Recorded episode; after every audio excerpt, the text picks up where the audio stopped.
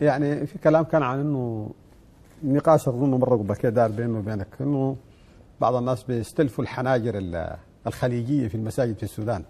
في الحناجر السودانية الأصوات السودانية في القراءة أنت بتمثلها والشيخ الزين. إن شاء الله الشيخ الزين معنا على التليفون عشان نسلم عليه الشيخ الزين معنا شيخ الزين السلام عليكم.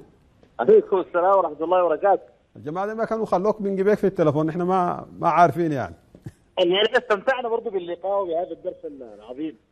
ما سمعنا. بهذه التوضيحات الجليلة.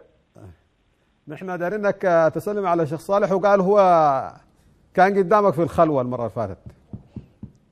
السلام عليكم يا عم الشيخ. كان قدامك في في الخلوة. كان شيخي يا مولانا مش كان قدامي الشيخ. أنا سمعت اللقاء السابق هو ذكر لك أنه يعني جاء إلى الخلوة يعني يقتمني بستة أو سبعة أشهر. مم.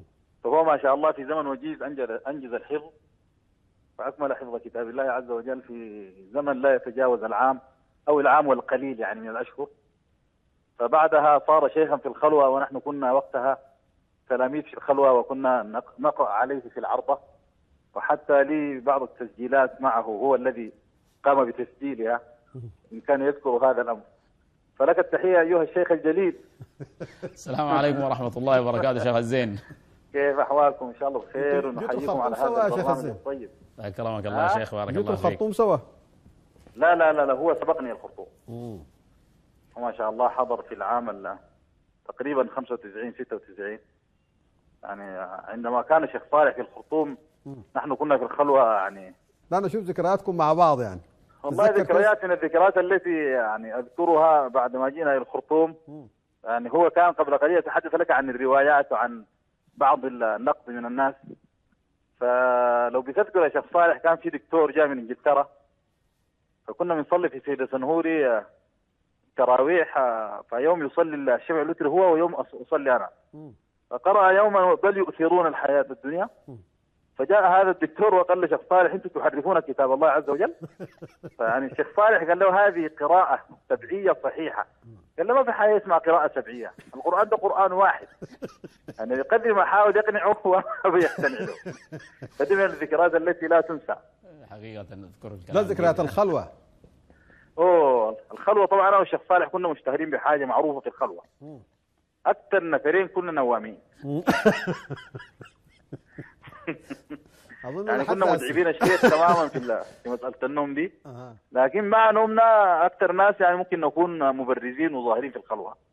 فلله الحمد والمنة. الحمد لله. بعد النوم يعني. بعد النوم يعني.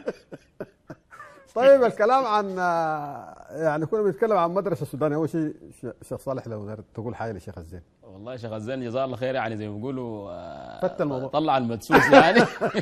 والله هو لسه المكشوف كثير لكن لا لا بس حتى الآن محافظ على آه، على جزاه الله خير يعني. أي نعم. هو طبعا زي ما بيقولوا ما عنده قديم ما عنده جديد. فالماضي الماضي هو حري يعني بأن يكفل للإنسان يعني انطباعات الحياة كلها صراحة يعني. شيخ الزين ما شاء الله يعني ذاكرته حاضرة في آه، ما جرى في الخلوة وما بعدها. نعم. في النوم ده بالذات. آه، لا بعدين هو يعني يعني هو هو ال- ذكر لك المعاناة بعض المعاناة التي كنا نعانيها في الخلوة. نعم. فكما يقال إن المعاناة دائما تولد الإبداع. مم.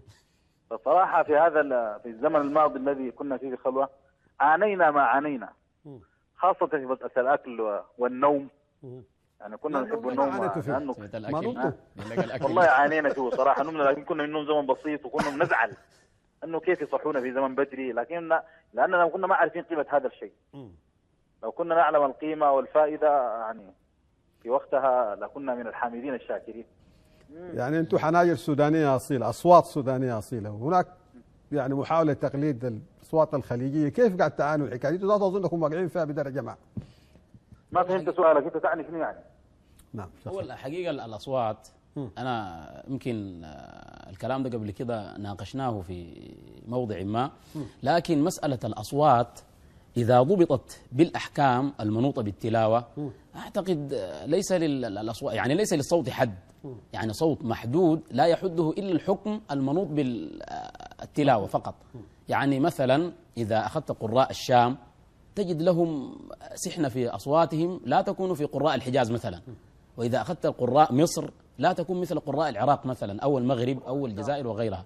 وهكذا قراء السودان. يعني مثلا الطريقة التي يقرأ بها شيخ الزين أو يقرأ بها شيخ الهادي أو يقرأ بها شيخ فرح أو شيخ معتصم أو غيرهم من ال- شيخ نور الدين والمشايخ. يعني الذين يعني ذاعت أصواتهم بين الناس شيخ نورين شيخ شوقار يعني آه، هي ربما تكون وليدة إذا أسعف يعني التعبير ربما تكون وليدة. القدوة فيها مثلا شيخنا حسين كان يقرأ بهذه الطريقة وتخرج عليه شيخ الزين شيخ الهادي شيخ فأخذوا عنه هذه الطريقة في الأداء.